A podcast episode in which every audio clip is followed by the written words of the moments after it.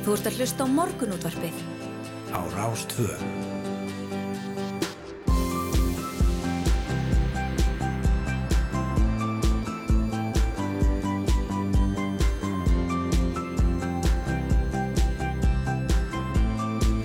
Morgunútvarpið Á Rástvö. Mjög góðan og blessaðan daginn, hér heldur morgunúttarpið af stað eftir páskafrí. Stutt vika framöndan það er þriðu dagur og 19. april klukkuna vantar 10.07. Hér setja Snæður Sindardóttir og Yngvar Þór Björnsson og við ætlum að vera með eitthvað til klukkan 9. Já, og fólk vonandi endur nært eftir páskana. Já, Ég segi það allavega sjálf um mig bara, það var, það var hérna, ágætt að fá smá frí og, og, og svona fá síðan stutta viku í kjálfærið. þetta ekki með súkulega sveita bara. Ég, ég nánast. ég er búin að fara í gennum nokkur Já. eins og vonandi flestir. Já, gott. Já, já, hérna við ætlum nú lítið að ræða páskan hins væri í þætti dagsins. Við ætlum hérna að byrja á því að ræða aðeins um, jarðhræðingarnar á Reykjaneskaga sem tölur að fjallað um, eh, um helgina. En eldgós á eða við Reykjanes á þessu ári er raunhafur möguleikið að mati Þorvalds Þórðarssonar eldfjöldafræðings eins og við heyrðum í kvöldfröttum sjóas í gær og hann telur helmings líkur á að gós hefjist áður en árið er úti. Og þessi jarðskjaldar hérna hóst suðvestur af Reykjanestám á sunnudaginn en það hefur verið svona nokkur rólegt yfir Reykjanes hrygnum um, svona undarfarna um, já undarfarni sólring getur við sagt ef við lítum hérna á töfluna á VF viðstofunar en við ætlum að ræða þessar jarðhræðingar við Salome Jórunni Bernhardsdóttur hún er náttúruvar sérfræðingur á viðstofu Íslands. Hún ætlar að koma til okkar korter yfir sjö. Krabbamennsfélag Íslands hefur svo gengið til liðs við samtöku í eigu í Ameriska Krabbamennsfélagsins til þess að geta haldið viðburun Relay for Life hér á landi en viðburun hefur fengið íslenska nafnið Styrkleikarnir.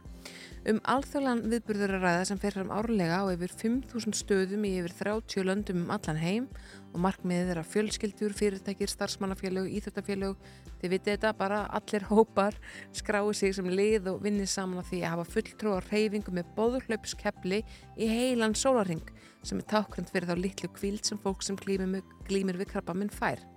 Þau Eva Íris Eyjólfsdóttir og Herbert Bjarnason frá styrkleikunum ætla að kíka til okkar og segja ykkur frá þessu bóðurhlaupi. Já, þetta er áhugavert og síðan er það ástandið í Úkrænum með sjö letust og 11 særðust í flugsketa árásum á úkrænsku borgina Lviv í gær. Nú borgin er skamt frá landamörnum að Pólandi og hefur verið helsti viðkomustæður úkrænumanna á flótta á leiðinni yfir landamærin í vestri. Og borgastjóni þar sakar rúsum að hafa vísvitandi beint skotum sínum að almennum borgurum og segir að meðal þess sem sprengt hafi verið sé bílaverstæði og hótel sem hýsir flóttafólk á leiðinni úr landi. Og við ætlum að heyra í Margeri Pétursinni, hann rekur bank Lviv í samnefndri borg, þar sem hann er búsettur og við ætlum að ræða við hann um þessar árásir og hvort íbúar í borginni hafa núna auknar áhyggjur á stöðum ála. Já, og það er ekki það eina sem að við snertum við Ukrænu. Neini, landamærin er okkur hugleikin e, þessa dagana e, og við landamæri Pólans og Úkrænu starfar hinn rúmlegi, rúmlega tvítugi Elvar Orri Brynjarsson.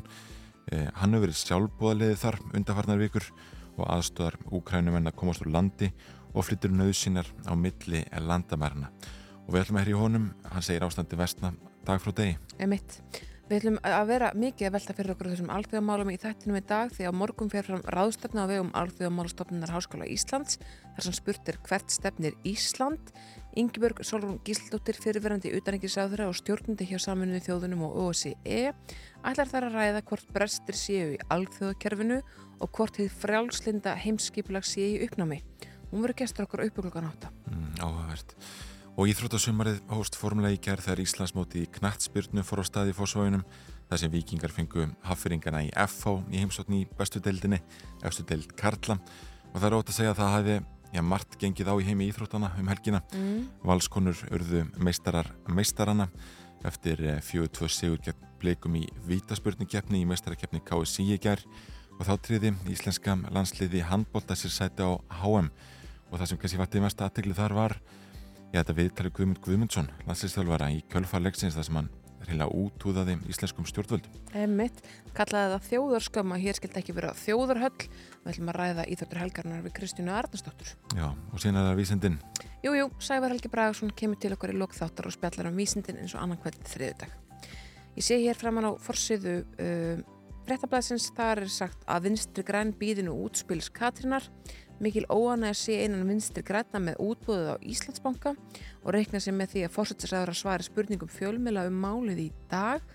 Hún var nú í kvöldverðum stöða 2 held ég Já. að tala um nöfnu sína Katrínu já, Það var svona, svona svolítið kurra samfélagsmeilum allavega minni búblu Mm. uh, vagna þess, Já. sá ég. einmitt Fólki fannst, uh, já, fólki finnst uh, stjórnmálamenn hafa farið eins og langt páskafrí þegar að stjórnmál er í deglunni, þar segja Salan og Íslandsbank. Já, einmitt.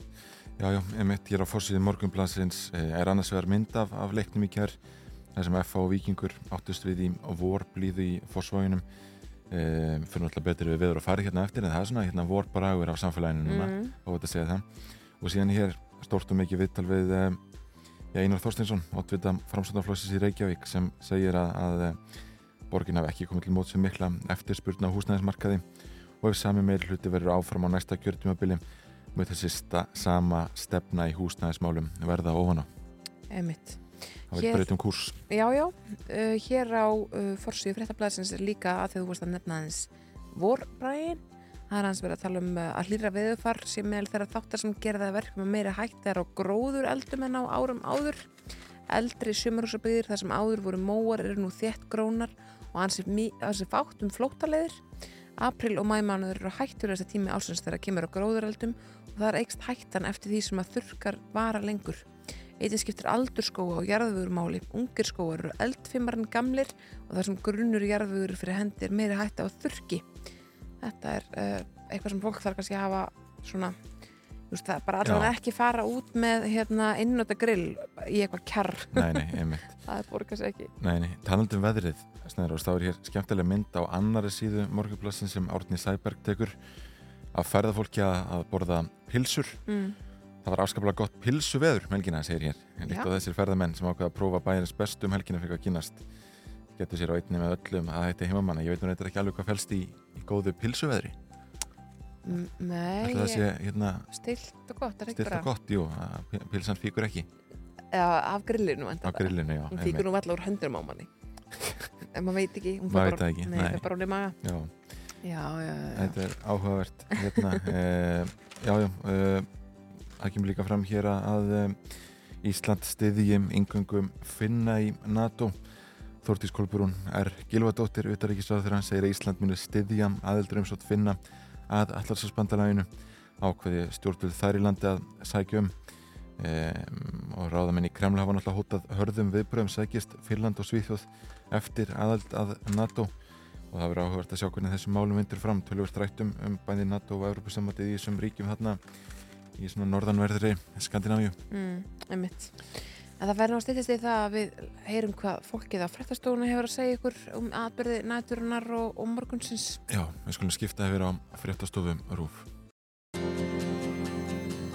Þú ert að hlusta á morgunútvarpið. á Rástvö.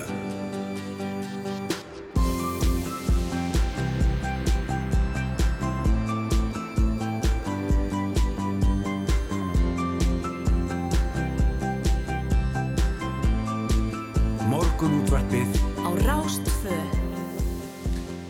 Morgunútvarpið býður góðan dag eh, þriðjudaginn 19. apríl eh, að stutt vika framöndan eh, hjá svona flestum allavega Mm. fáum sumadaginn fyrstam inn á fymtudaginn og já, já, það, það er hérna við ætlum að fara viða í þætti dagsins, við ætlum að ræða aðeins jarðskjálta hrínuna á Reykjanesi við ætlum að ræða já, Relay for Life styrkleikana sem Krabbaminsfélag Íslands heldur núna síðan er það Úkræna, við ætlum bæða heyri Margeri Pétursinni sem rekur bankli Vívi samnefndri borg þar sem hann er búsettur og í hinnum 20. elvarim Orra Brynjarsinni sem hefur verið sjálfbúðalið við að landamæri Úkræn og Pólans undanfarnar vikur. Emitt og svo kemur hinga til okkar Ingibjörg Solon Gísladóttir til þess að ræða hvort að brestir séu í alþjóðakerfinu og hvort þið frálslunda heimskipulag séu uppnámi. Við ætlum að fara yfir uh, já, upphaf íþórtarsumarsins með Kristjánu Arnarsdóttur og svo kemur Sævar Helgi Braðarsson til okkar í lok þáttar og spjallar um vísindin eins og honum einu með lagið. Já, en hvernig er, er veðrið hérna núna hjá okkur? Já, sko, uh, mér fannst ásamt að vakna í morgun. Já, það, var stórkurslegt. Já, og síminn sagði mér að það er mest nýju gráður en uh, minnst tvær.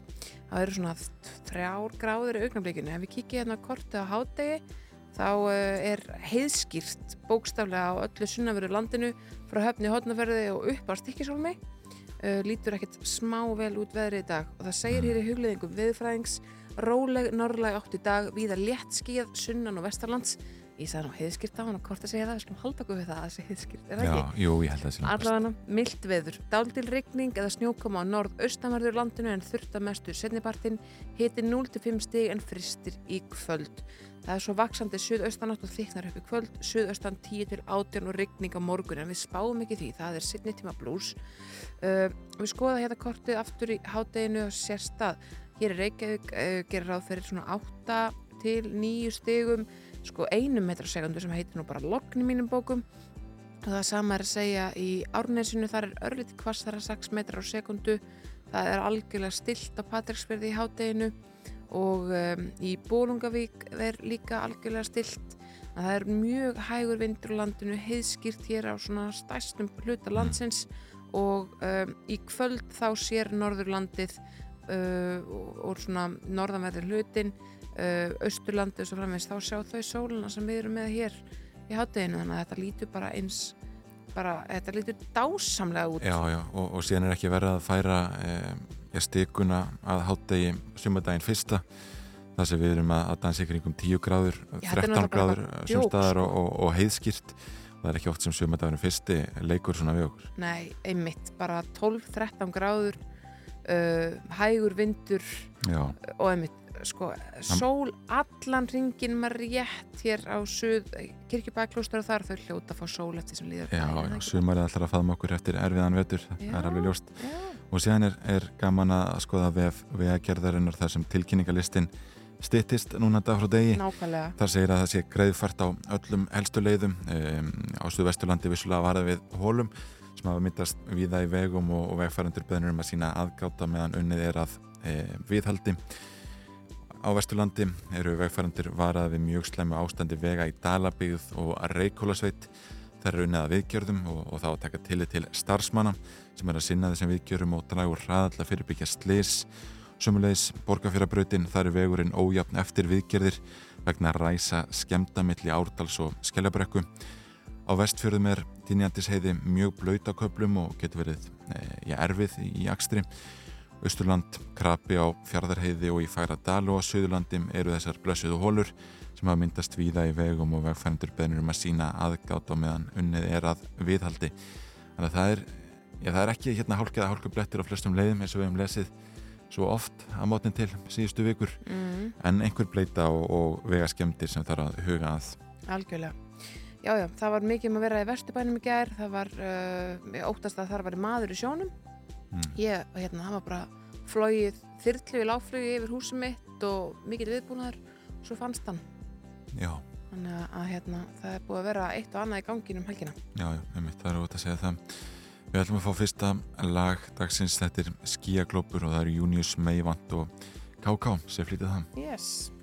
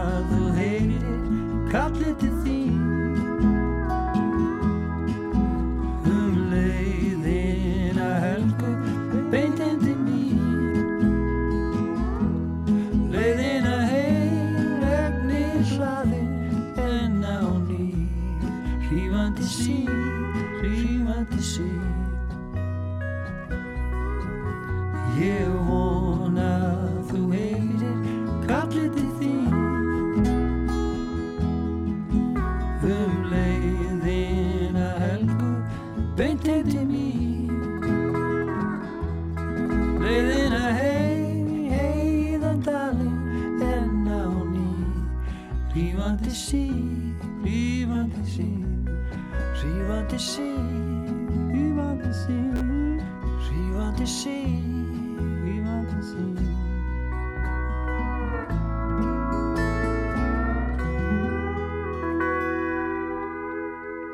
Vaknaðu með morgunúldarpinu á Rástfö. Það hefur verið hansi skemmtilega fréttir af því uh, undarfarið og bara um helgina einhver að ferðamenn þeir streymi til landsins. Já, einmitt. Það hérna fólk, þegar við rættum við, við fórsvarsfólk færið þjónustunar, Mm. það var svona óveð sem hvað, eða hvernig áhrif þetta ástand í Evrópu myndi hafa áhrif hér á landi, Einmitt. hvort að hækkandi elsnindisverð og, og oljuverð myndi leiða til þess að færri kemur hér eða einmitt til þess að fólk myndi sækja til Íslands í, í friðin Ég mitt. Eh, og það virðist vera að- að ferðarfólki sé alltaf fjölga verulega. Já, algjörlega. Í gæri var að tala við að hér á, uh, á Forsíðu Rúf, að tala við Bjarnheiði Haldstóttur, formann samtaka ferðarþjónustunar. Uh, hún saði mikla bjartsinni ríkja fyrir ferðarsumar 2022 og horfurnar væru mjög góðar. Hún segir að þau hafa hort upp á stöðu og aukningu eftirspurnar erlendra ferðamanna nú síðustu vikur og mánuði og ríki mikil bjartsinni. Hún þekki dæmið það sum fyrirtæki í rauninu komið með 80 til 90% þeirra sögur sem að komið var á sama tíma ára 2019 sem er mjög gott. Og það er saman að segja hér á um, hjá uh, Vísi eða stöð 2 þar var frétti, hvað fréttum í gær um að mikið líf sé miðbarnum þessa myndir ferðamenn farnir að streyma til landsins á ný. Sól og blíða víða á höfuburgarsvæðinu og, og uh, já, bara ótrúlega mikið af hérna skemmtilegu ferðafólki komið til landsins. Já, já, einmitt. En Salome Jórun Bernhardsdóttir, náttúruvar sérfræðingur á Veðustofu Íslands, hún er að koma sér fyrir hérna hjá okkur. Við ætlum að ræða við hann um, um, já, mögulegt Elgós á Reykjaneskaga. Þorvaldur Þórðarsson, eldfjöldafræðingur, var í, í fréttum í gær og Mm. saði, já, helmingslíkur á gósi. Það er mjög gott að segja það bara. Ég ætla að segja það um allt. Það eru helmingslíkur á þessu og hinnu. En það eru dágóða líkur, 50% líkur. Já, já. Já, En það eru líka dagur ekki líkur. Það er jafn, já, já, já, já jafn einmitt. mikið. En það er þessi jarðskjaldar hérna sem hóst suðvestur af Reykjanestá á sunnudaginn. Hefur nú verið nokkur rólegt yfir hrygnum. Já, já. undarfarna klukkutíma en við ætlum að ræða þetta við Salome hér eftir smá að spynja hvort við fáum eitt annan lag þetta er lagið Manstu með hjálmum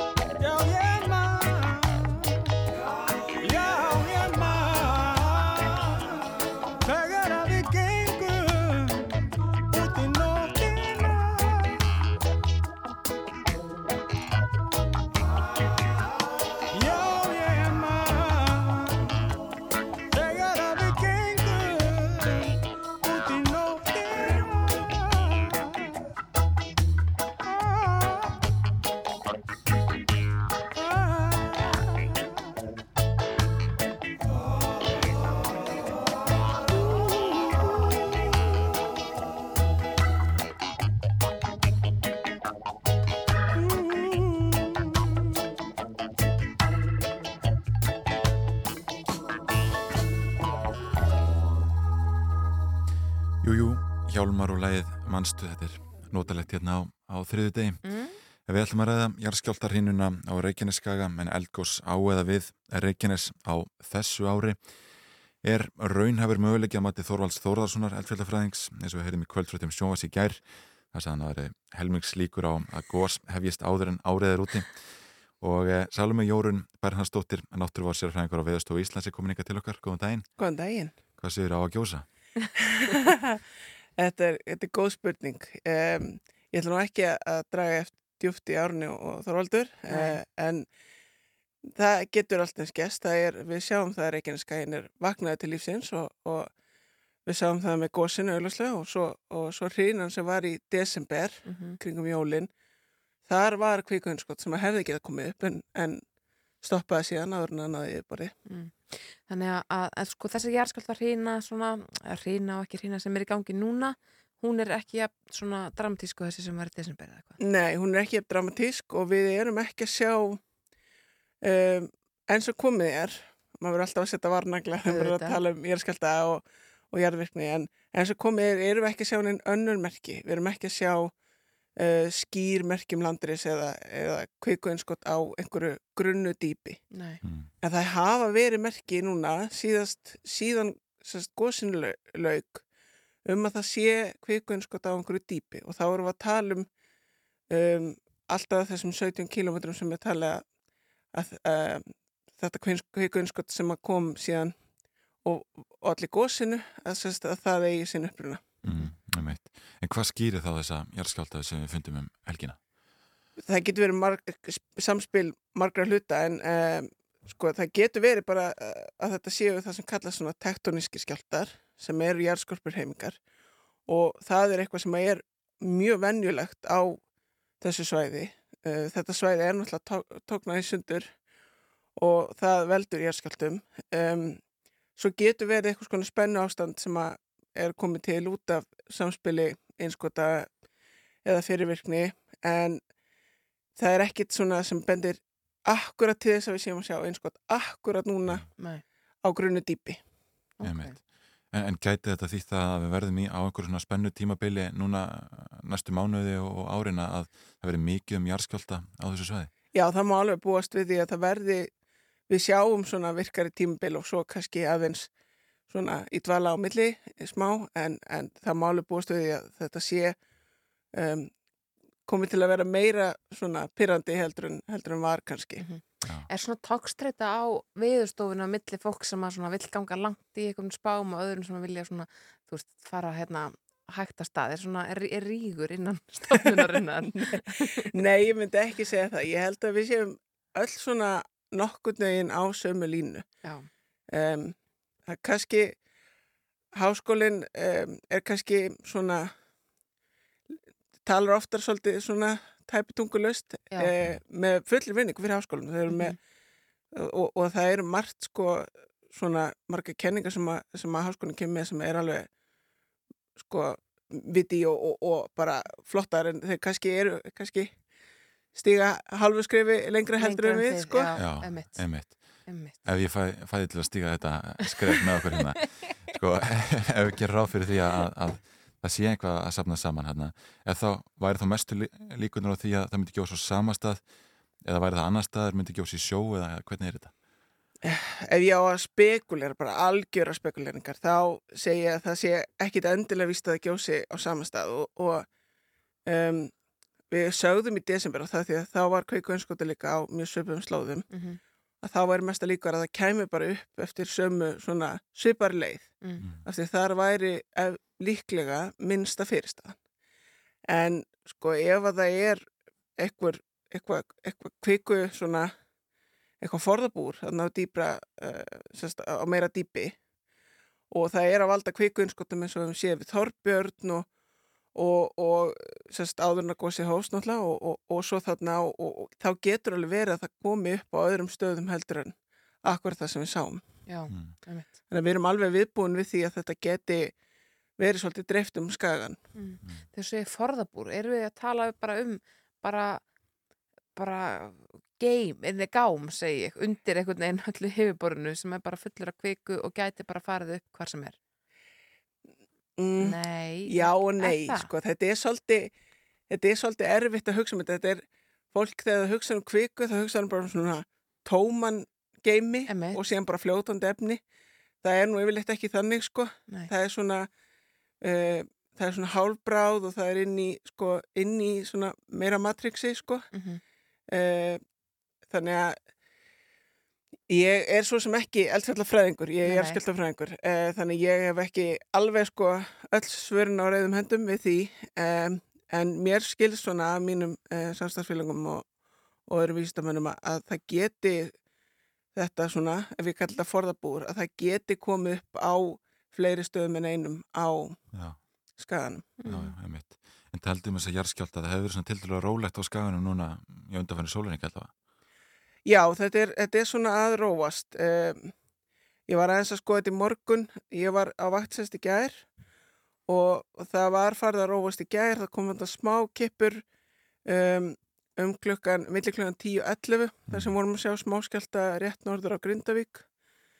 Uh, en þessir skjáltar sem kom í hrinnunni bæði, bæði núna 12. og 13. og svo uh, núna um helgina að það er að mestu svona búið að róa sig Mm. aftur. Þannig að þessari hrinur er unni lokið. Já, já, verður svona spenningur þegar að, eins og því að koma það milli hvað 9 og 10 eða, eða 10 og 11 þú veist, verður það svona, ú, hér er eitthvað að gerast það verður, er þetta bara svona mjög hverstagslegt svona, að já, herrið, það sýstir smá hérna á Reykjanesskagan um, já, það getur orðið spenningur ef þetta fer að verða, sko, ef, ef það eru stóri skjáltar inn í því, þá svona fer aðrænliðinni á þess að stað. ok, En ef það kemur skjáltar hérna með fullt af litlum skjáltum, þá er það frekar hverstaslegt. já, Það gerist alveg reglulega. Við erum búin að sjá, sko, það er óbúslega mikið af áhugaverðri virkni sem er búin að vera núna á, á þessu ári og, og, og á síðasta ári fyrir utan Reykjaneska. Það er eins og jarðskjáltanir í Borgafyrði, voru mjög áhugaverðir Mm. fannst okkur Mhm. og svona kannski erfið að tólka eitthvað svona sem við sjáum ekki jafn oft. Um, það er náttúrulega svolítið flókið sko hvernig jarðskorpurhefingarna virka á Íslandi af því að þetta er ekki bara það er hérna eldgósabelti og jarðskjáltabelti og eldgósabelti, þetta er náttúrulega alltaf í þróun og, og til dæmis eins og um, í rauninni Snæfess uh, nesið er í rauninni, má segja, forveri reykjaneska. Mm. og, og þar eru líka eldstöðkerfi þó þau hafi nú ekki gósið á okkar um, tímum, tímum. En ekkert útlokað en ekki útiloka þau hafa gósið á nútíma sem er þess að það sem við köllum síðan síðasta ísöld var. Mm. já, uh, og, og það er það er svona kannski flóknari svona kerfi sem Mhm. eru kannski einmitt að- að fjara út af þessu virka mm. svæði. Og þar er kannski virkni sem að við kannski höfum ekki alveg erum ekki alveg að vöna sjá spennandi. Salome Jórun Bernhardsdóttir Náttúrfórs sérfræðingur á Veðurstofu Íslands takk kærlega fyrir komuna í morgunúttarpi Takk fyrir mig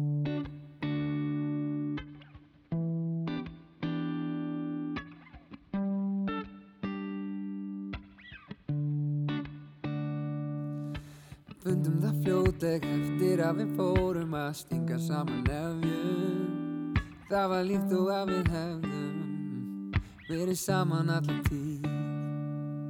Hver einasta mínúta við vildum nýtana því við fundum það að Bara það að vera saman, það var okkar paradís. Nú finnst mér tækifæri til að fagna því að eiga þig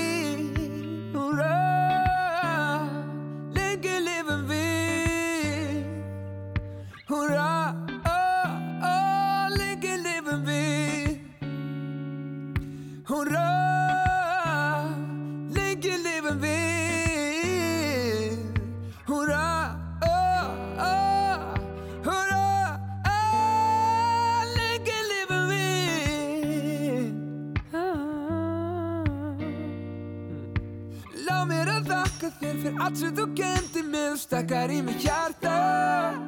Og ég mun óska mér þess alltaf að við verðum saman allan tíð.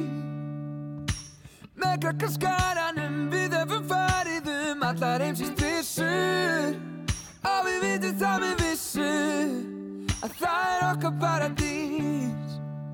Ah. Nú finnst mér tækifæri fagna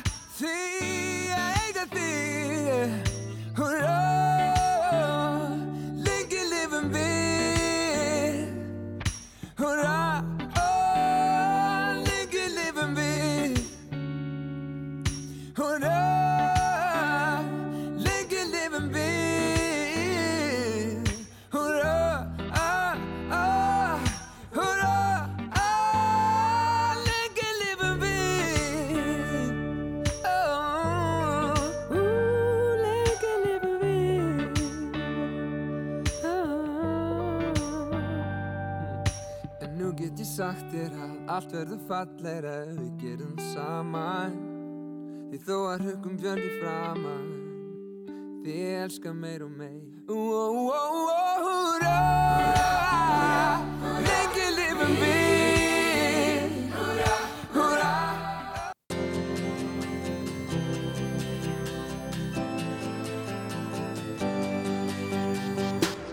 Þú ert að hlusta á morgunútvarpið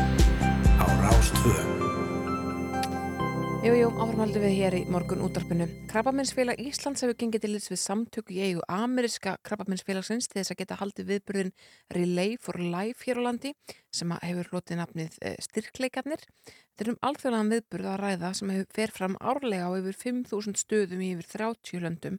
Þau eru kominninga til okkar í Eva Íris Ejórsdóttir og Herbert Bjarnason frá styrkleikunum. Verið velkomin. Takk fyrir. Segið okkur, sko, þetta er sólarhengslangt boðhlaup eða eða hvað, er ég að skilja þetta rétt? Já, er, við erum sérst, lið skrási til leiks saman Mm og skipta með sér sólarhingnum og lappa með bóðhlaupskepli eða hlaupa eftir í bara hvað hverjum á einum hendar -hmm. og bóðhlaupskeplið er í rauninni tákgrænt fyrir krabbamenn því að krabbamenn tekur ekki pásu og ekki heldur á nóttunni mm. og liðið er þá í rauninni að bera krabbamenni fyrir viðkomandi sem tengist liðinu. Og er fólk að ganga fyrir eitthvað sérstakann sko krabbamins sjúkling sem að stendu um nærri eða bara fyrir svona almennt fyrir fólk sem að þarf að glíma við þennan skeiða sjúkdóm? Það er bara ímislegt. Sum lið eru með eitthvað nákveðin sem að þau eru að styðja við. Mm. Önnur lið eru að gera þetta í minningu um eitthvað og svo eru bara lið eins og hérna, viðbrasaðilar árinsíslu sem að eru bara að gera þetta til að vekja aðtikla á sinni stöðu. Mm, ég veit. Og hvernig hafa fyrirtæki og, og félagsamtök verið að taka í, í þetta? Sko það er svona, þetta er náttúrulega bara á fullir færð núna og liðunum er að fjölga og styrkir að koma, þetta kostar líka alls saman Já, já. og það er náttúrulega frábært bara, veitu, við erum með svo flotta aðstöða á Selfossi til að halda þetta Við erum meðal annars, við erum með knatthúsi hérna, eða hvað heitir þetta? Höllin, Selfosshöllin. Já, Selfosshöllin. Já, já, já. Einmitt. Þannig að við höfum möguleika á að íslenska sömari sínum sínum bestu hliður og getum við flúið inn með þetta allt saman. Er ykkur ákveðin gönguleið sem er búið að markara fyrir, fyrir þetta bóð, þessa bóðgöngu eða bóðhlaup? Eða getur fólk bara gengið eins og það vill? Nei, það eru, þetta byggist, þetta byggist svolítið upp á, sko, það er náttúrulega hlutaði sem er kannski skemmtir niður að það eru mælda vegalendnar. Ef Já. þú mælir ringina Mm og ringinu þurfa alltaf að vera hlut, til dæmis ef við 400 metrar ringu þá það er næst að vera 800, þannig að, þannig að þú mælir alla ringina og svo er vegalendi mæld og það var eins og ég tók þátt í þessu út í Nóri, í Sannifjör, það var, við áttum barnabarn hans sem var að glíma við þetta og þar, ég man ekki alveg veganett en við fórum til tungs eins og einhverja ringi í kringum tunglið Já, já. og, og fór tilbaka aftur sko. Já, já. Þannig að það er hluti af þessu líka. Hvernig var það að fyrst þú hefur reynslu af þessu? Eða hafið kannski bæði persóna reynslu af að þið taka þátt í þessu? Já, við höfum bæði tekið þátt í Noregi. Ok. þannig að þetta er, og þetta er algjör upplifun og, og svona, já, einu svona lífsleðinu held ég. Já, já, og svo er líka það sem er svo skemmtilegt í þessu að þess vegna, þetta er náttúrulega fyrir fjölskylduna. Og ég lendi í smá vandræði núna þegar ég var svo mikið kunningjum og þeir fóru allir að stopna lið þannig að mér vantaði fólk í liðið mitt. En svo fekk ég nú um helgin að það eru til dæmis kunningja hjá mér sem ætla að koma að laupa marathon aðna mamma sem er komið vel á áttræðisaldur hún ætlar að koma að rölda þarna líka og það getur bara allir verið með sko. Já, já. En, en þið nefnið það þegar þið bæði tekið þátt í þessu. Hvernig einmitt upplifun er það þegar þessu líkur, þegar hafið farið allir þessa vegalend og, og í, í góðum hópi, hvernig tilfinningi það að klára verkefni sem þetta? Hún er alveg mögnuð. og hún er náttúrulega, það er líka að passa sko, þó að þetta sé í sólarringa, þá er henni enginn sem er í nei. þú kemur bara, þú getur þess vegna verið í kortið 20 myndur og þess vegna en svo það var náttúrulega eins og að núti það voru ákveðin aðeins sem voru tóku sólarhingin og þetta var bara aðeinslega gaman að veist, hann var alltaf barnabarni okkar var að glíma við krabba minn og við gáttum óa lítið gert í því en þarna gáttum við komið sterkinn Mm. og haft hann svolítið gaman Og hvernig fara þessi leikar fram styrkleikarnir hér á Íslandi? 30. apríl til 1. mæ í Ok, sólarhing. Við byrjum að hádegi á laugadegi og klárum að hádegi á sunnudegi. Emmitt, á Salfossi? Já. Og hver er þetta að Styrkleikarnir.is Já, Já. emmitt. Frábært, þetta er áhugavert framtak Eva Íris Egilstóttir og Herbert Bjarnason, takk fyrir að kíkja til okkar. Takk. Þetta Maybe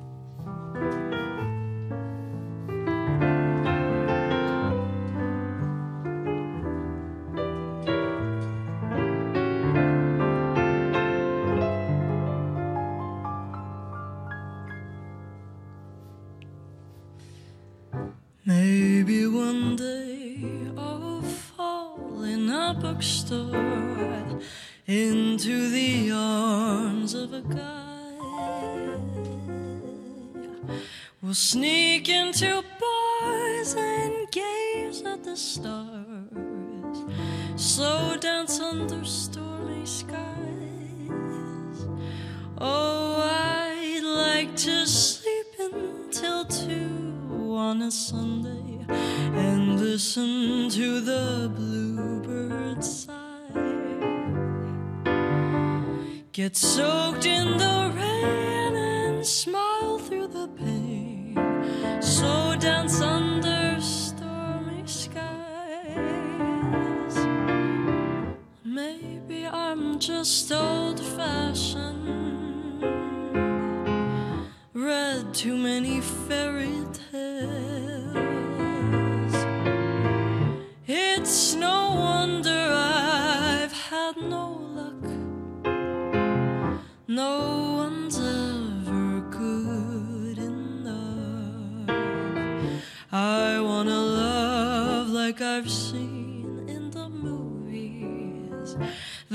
Why I'll never fall in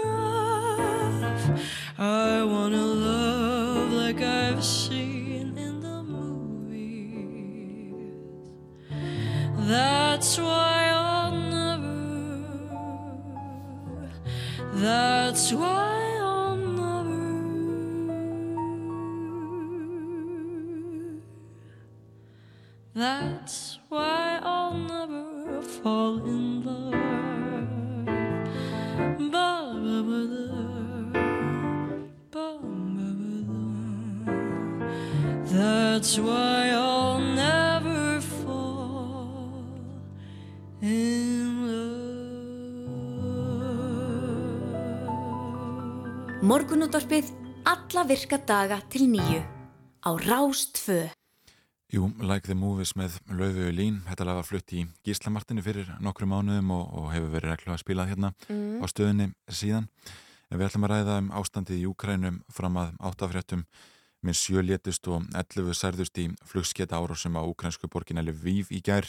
Borgin er skamt frá landamörnum að Pólandi og hefur verið já, helsti viðkomustæður Úkrænumann á flótta á leiðinni yfir landamærin í vestri og Markir Pétursson sem rekur bankle Vív í samlendri borg og er þar búsettir komin á línuna, góðan daginn. Já, góðan daginn. Uh, við hefum heyrt svona á íbúum í að þeim hefur þótt já, þau vera nokkuð örug í borginni. Uh, Líður fólki um öðru sér núna eftir þessar árásir? Nei, ég held að þetta breyti nú ekki, ekki mjög miklu. Er í sjálfu sér í fjörða sinn, ef mann rétt, sem, sem eh, sprengt er inn í borginni. En það voru aldrei verið svona mikið manntjón. Mm. Hvernig var þér við þegar þú já, heyrir af þessar árás? Jú, mér var auðvitað brúðið og, og fór auðvitað að, að uh, skoða fréttir, bæði alþjóðlegar fréttir og, og eins úkrænskar. Mm. Og uh, nú, þetta var náttúrulega dekkjaverstaði sem, uh, sem fekk á sig eldflög. Mhm. Þar var þetta manntjón og, og það var auðvitað ekki neitt herfræðilegt skotmark. Þetta er bara venulegt dekkjaverstaði. Mm. Einmitt. Þannig að það er kannski svona pínulitill ótti um að, uh, já, einmitt bara svona fyrirtæki og, og heimili venlins fólks verði fyrir barðinu á þessum árásum. Já, já, þetta er eins og auðvitað ekkert hér miða við aðrar borgir Nei. eins og Kænugarð og ég tala nú ekki um Harkif eða, eða Mariupol eða, eða, og, og Mikolæf og síðan og svo ekki sé minnst á borgir í, í Donetsk og Luhansk eða, Já, já. Donbass hér á honum. Einmitt. Sko, þetta- borgin hefur auðvitað verið einn helsti viðkomustæður úkrænumanna sem eru á flótta á leiðinni yfir landamærinni vestri. E, sko, eru margir sem að sem að stoppuðu þar, fórurinn voru ekkit lengra, bara frá öðrum borgum til Lviv og, og ætluðu sér einhvern veginn ekkit endilega að fara yfir landamærin og eru þar alveg núna kannski að endur hugsa þau plön. Já, það getur verið. Ég er nú svona ta- takmarkað að trúa því að einn svona árás uh, valdi því að þeir skiptum skoðun. Mm. En, en hvernig er svona, hvernig líta íbúar á þetta? Líta þeir á þetta sem að þetta hafi verið mistök á halvu rúsneska hersins að, að skjóta á e, þetta bílavestæði eða er þetta ég skipur að þannig að, að e, loka flóttalegin? Ég er bara, ég held að menn hafi enga sérstakar skoðun á því. Það er bara við öllu að búast og maður sér þessar skelvilegu aðfari sem hafa verið í öðrum borgum. Þannig að, að menn bara búast við hverju sem er. Þeir eru náttúrulega ekki skotið hér á spítala eða, eða, eða, hérna, eða ellihimil eins og það er gert í, í, í austrinu. Nei. Nei, nei. En hvernig, sko, við höfum heyrtið þér áður þegar að uh, svona, já, það er að vera tveir mánuðir síðan að þessi innrás hófst og við heyrðum í þér mun fyrr og þá varst hansi brattur. Hvernig er líðaninn núna þegar að þetta er búið að vera í gangi hátt í tvo mánuði og, og hérna einhvern veginn, það verðist engan að það enda ætla að taka. Já, það eiginlega má segja að öllum má venjast, yllum má venjast svo gott þykji. Þannig að ég held að fólk sé svona almennt farið að venjast þessu og, og þetta er auðvitað mjög leiðilegt ástand og, og allir svona mjög dauðir en aftur á móti þá, þá er mikill bara áttu andi í fólki. Já. Ég held að, að svona, þetta sé frekar þannig að, að fólk sé mjög eindreið í því að láta ekki hræða sig Mm. og standa sína plikt. Já, já. En hvernig er daglegt líf þarna núna? Eru loftvarnaflautur að fara á stað reglulega? Nei, ekki reglulega, það var til dæmis síðasta sólarhing þá voru fjóru sinnum loftvarnaflautur sem er óvenju mikið, ég man nú ekki eftir því, það hefur verið fjóru sinnum á sama sólarhingum. Nei, ég mitt. Og, og hvernig er því minna, þú rekur banka þarna í borginni, eh, gengur það allt sinn vanagang? Já, svona mestu leiti, það, mestu leiti myndi ég segja. Mm. Það, við erum í opið núna frá 10 til 5, við erum aðeins, aðeins ringað opnatíman og síðan voru, opnuðum við í gær útibúið í kænugarði. Það hefði verið loka frá 24. februar, Já, þannig að nú eru all okkar útibú opinn mm, og menn svona viðskiptavinir þeir sína skilning að, að okkar, okkar starf sem er takmörkuð vegna reglna Sæðlabanka Úkrænu já, og til dæmis viðskipti með gjaldir eru, eru nánast ómöguleg. já, já. Mhm. og fólk mæti bara til vinnu eins og, já, eins og hérna Eh, lífi gengur sér vanagang, fólk mætti vinna á mótnana og fer í hvað kjörbúð að eh, setja partin og, og heim til börnana elda kvöldmatt. Það, það getur alltaf verið svo. Já, já. Er það þannig? Já, já, það er bara, það er bara þannig. Ég, ég hef mitt bara lagði hérna bílnum fyrir utan vestlunarmiðstöð og ég sé að það er bara mjög svona talsvert mikil trafík. Hmm.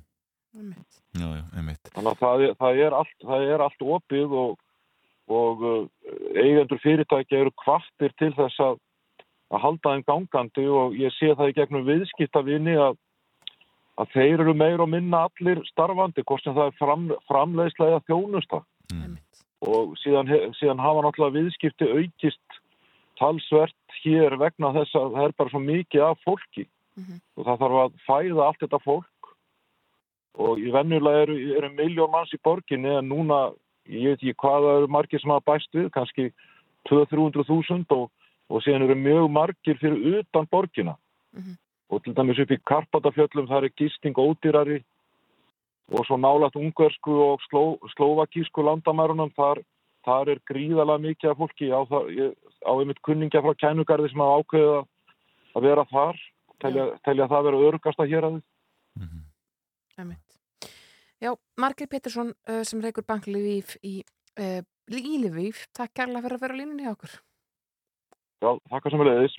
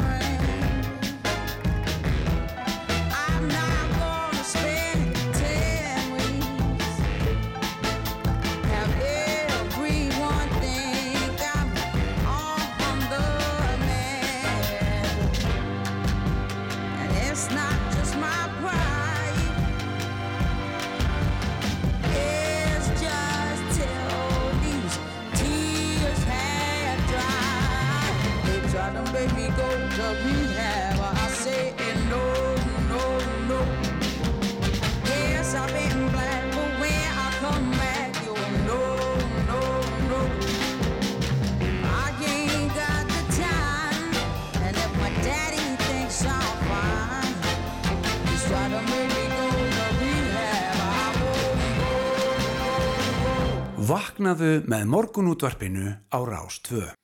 Og við ætlum að halda áfram að ræðum ástandið í Úkræna. Við vorum að ræðið við Markir Pétursson sem er ekkur bank Levív í samlendri borg og er þar búsettur. E, það var gerð flugskeita árás á borgina í gær og, og sjölétust.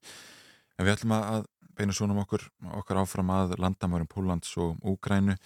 Því þar starfar hinn rúmlega 2011 orri Brynjarsson og Hann hefur verið sjálfbóliðið þar undarfarnar vikur og aðstúðar Úkrænumenn að komast úr landi og, og flytja nöðsínar á milli landamærarna. Hann er komin á lína, góðan daginn. Góðan daginn. Hvað séu, hvað ertu stattu núna? Er, ég er stattu núna í húsin okkar í Pólandi á landamærarna sjálfum. Mm -hmm. Í hverju hefur, sko, hefur þitt sjálfbóðilega starf falist á, þarna á landamærunum? Já, það er nú fyrir maðurfætt en, en aðalega þá erum við að einbreyta okkur í, í, hérna, í flutningi á, á, á flottamannum. Við förum til þess að vinna með heimamannum við að koma fólki frá hættisvæðunum og þá sérstaklega á stöðum sem eru síendur tekið við að sprengja mm. eins og Harkiv eða, eða Mariupol og við tökum síðan á mótriðin og komum við með til Póland og vonandi síðan á á nýtt heimili. Mm. Og, og hvernig gengur það að koma þessu fólki á nýjastað? Það hefur gengið ótrúlega vel hinga til. Mm. Við erum að nálgast 400 mann sem við erum búin að ná að, að hjálpa um, og svo á sama tíma þá tökum við erðir inn þegar við förum inn til Úkræni og, og við erum að nálgast það í 50 tónn 50 tónn um þetta vil. Einmitt. Sem þau eru það að flytja bara nöðsina verum yfir, yfir landamærin? Já, það getur verið allt frá, frá, hérna, frá livjum yfir í sárabindi og yfir í mat. Já, það er meitt. Akkurat. Og, og sko við sjáum myndir af ástandinu þannig að er þú og þið sem eruð í þessu starfi, eru þið örug? Ég myndi nú segja að við erum eins örug eins og meðan borgarbúin í Úkvæðinu. Mm. Já. Sko, þú ert eitthvað um tvítugur, hvernig stendur á því að þú ert komin í þessar aðstæður að vera að flytja uh, nöðsina veru yfir landamærin og hjálpa fólki tilbaka, beti hjálpa því að finna húsnæði og svo framvegis? Uh, Það er bara svona fyndið. Ég, ég bara um leið og því byrjaði þá var ég strax byrjaði að aðgáða fólki til netið og, og kynntið þar hóp sem var að gera nákvæmlega sama. Mm -hmm. en okkur fannst að að vendum að það var ekki nóg. Okkur fannst að koma á staðin til þess að geta kipt og aðstofa fólk stefnilega mm. og það var einhvern veginn fóruð bara klúnt saman og, og hér eru við í dag sex, vikum setna Já, með mitt og, og, og hvað ertu búin að vera lengi að nútið segir? Sex vikur. Það eru sex vikur, já. Og ég held ég hefur Já, þetta er ákvæmt að vera 6 vikur nú. Já, og, og hvernig hefur stríði verið að breytast og, og ástandið og aðstæður? Við höfum tekið eftir því að, að, að hérna, vandamærin eru, eru minni, minni hættar núna. Þess að var svona tíma þá, þegar stríði var nýbrið, þá voru ræðina á, á landamærinum, það voru rosalega langar að geta niður bara úr, úr kulda eða hungri við að standa í röð. Mm um, í, oft í frosti. Og það sem þetta er náttúrulega líka uh, viðkvæmusti hóparnir sem að er að flýja fyrst. Þá hérna, var mikil hætta í byrjunin á að það var einhver eh, hvað getur maður sagt mannsöld á, á, á landamörnum sjálfum. Já. en síðan að, að stríðið hefur gengið þá, þá hefur þetta breyst og það máta að fólk ekki einhver flýja. Það heldur það sé stríðin sé að klárast eða, eða hvað annars mm -hmm. en eins og við sjáum núna og sem þeim dögum að það er stríðið er að fara aftur á stað og sprengingarnar eru að vera verða og verði með að í vestur Ukræni að þá eru við að sjá panik í byrja aftur okay. ekki aftur að bruna vandamærin og, og reyna að koma fyrir Þannig að eftir þessar loftskipti árási til dæmis og Lviv sem við fjöldum um hérna áðan þá sko er, er ströymurinn að þingjast á ný út úr landinu fólk er aftur á leiðinni að fara á stað. Já, í rauninu við sáum fyrir tjöndum síðan, þá sáum við fyrsta daginn sem að stríði byrjaði, það sem að fleiri fóru inn í Ukraina en það fóru út. Já. Þegar fólk heldur að það hefur komið sér fyrir einhverju búndi og, og heldur þessi orðið, orðið örugt. Mm -hmm. En svo með þetta byrjaði að vera svona nokkurn veginn eins og eðlulegt líf og það færði aftur tilbaka. Já, já, með og þá endur við ykkur eins og svona þá Kannski örstu til lokin, hvað tekur við hjá þér í dag? Hvað segir þið? Ég segi örstu til lokin, hvað tekur við hjá þér í dag? Hvað tekur við hjá mér í dag? Uh, við vorum að senda 20 tónar trökk til Harkif með vörur og tveir af liðsélunum fóru með. Þau eru að fara til Mariupol í dag og erum að búast til þeim setna í nótt. Þannig er unni þá er all vinnan í dag bara hvernig við getum tekið að móti þeim og, og passa að allt umgið vel. Já. Elvar Óri, þakka fyrir að vera á línu frá landamærum Pólans. Við fáum kannski að heyra aftur í þér síðar. Takk fyrir. Og hér eftir skammastund þá sest Ingeborg Solon Gísildóttir hjá okkur en fyrst eru frettir. Þú ert að hlusta á morgunútvarpið. Á Rás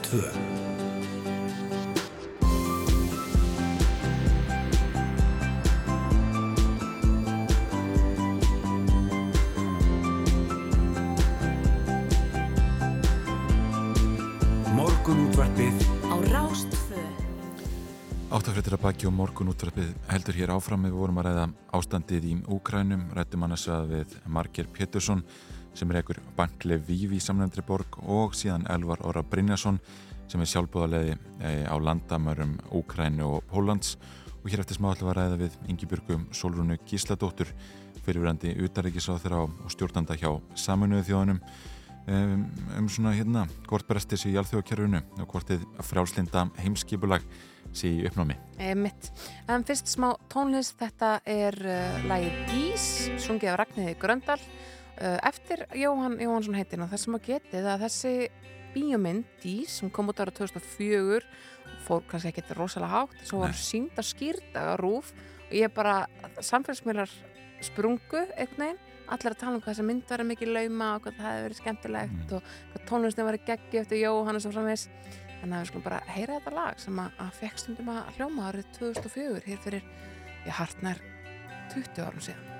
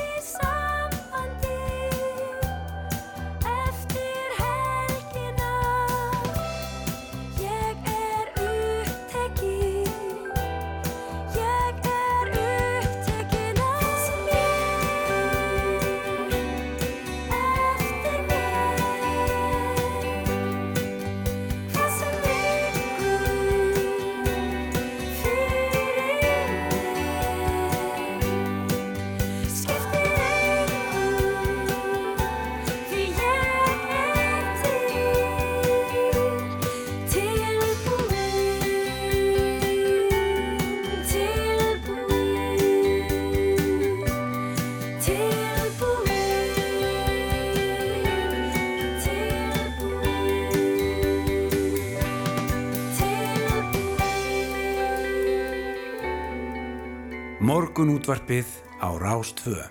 Jújú, áframhaldi við hér. Uh, hún er komin inga til okkar Ingeborg Solrún Gísladóttir fyrirverandi utanækissáðara og stjórnandi hjá saminuði þjóðunum og OSCE. Því á morgun þá ætlar hún að ræða á ráðstöfnu af vegum Alþjóðmálastofnunar Háskóla Íslands um það hvort brestir séu í alþjóðakerfinu og jafnvel hvort þið frálslinda heimskipulag séu í uppnámi. Þetta velkomin Ingeborg. Já, takk fyrir það. Sko, það eru þetta svona mjög miklar blíkur á lofti í, uh, a- a- bara á alþjóðavísu. Þetta stríð í Úkrænu eða innrás rúsa í Úkrænu er auknin svona hrikti svolítið í stóðunum en að samaskapi þá lítur út fyrir það að NATO hafi styrst og svo framvegis. Sko, hvernig horfir þessi staða við þér? Já, ég held að við séum uh, uh, á svona þröskuldi nýra tíma, ef svo má orði komast. Já. Ég held að, að heimurinn og heimskipulagi verði aldrei aftur eins og það áður var. Og það sé bara, við séum uh, upplifa nýja, nýja stöðu. Ekki þar fyrir sko að því að ég á nú að tala um, um frjálslinda heimskipulag. Ég held að það hafa aldrei verið til Nei. í rauninni. Ég held að við getum ekki talað um að heimskipulagið hafi verið frjálslind. Þetta getur verið þessi hugmynd sem að svona allavega stór hluti kannski vesturlanda og engilsaksnesku ríki, vestur-Európa og engilsaksnesku ríkin hafa eh, svona verið með en ég held ekki að, að þetta, þessi hugmynd hafi verið uh, stutt af uh, já, öðrum ríkjum Nei. ef svo má orðið komast eða það er að segja að þau hafi ekki tekið hana inn ef svo má orðið komast og, og rússarnir hafa verið með, í, má segja í, í hérna ÖSI sérstaklega, Samvinnustofnun Európu, þar hafa þeir verið og ÖSI byggir svo sem á hugmyndinum hefur frjálslinda líðræði og þeir hafa undigengist þær skuldbyrningar sem að, sem að þar eru.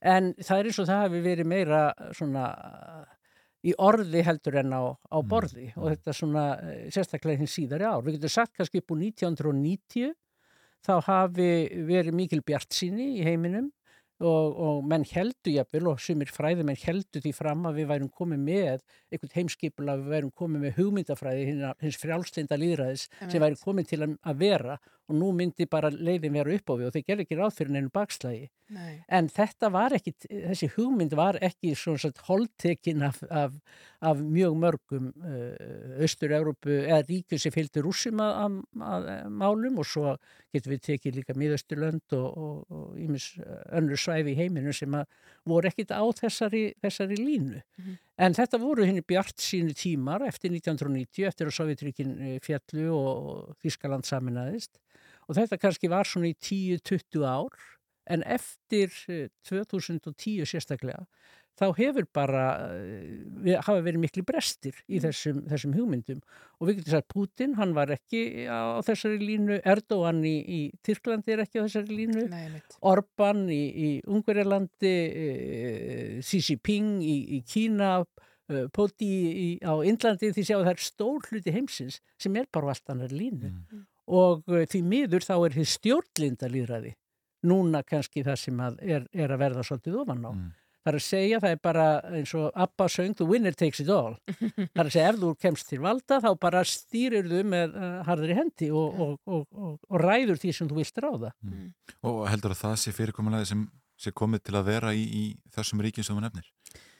Því miður, þá sé ég engin uh, merki um annað að, að svo stöttu. Hversu lengi það verður, ég meina heimurinn er náttúrulega alltaf á reyfingu, það er alltaf eitthvað, eitthvað að gerast, en ég held að það sé komið til að vera núna um, um ég myndi segja allavega næsta áratugin. Mm. Og uh, ég sé ekki neitt bilbuga og, og uh, til dæmis eins og Erdogan í, í Tyrklandi og uh, heldur ekki Xi Xi Jinping og, og svo veitum við ekkert hvernig verður með Putin.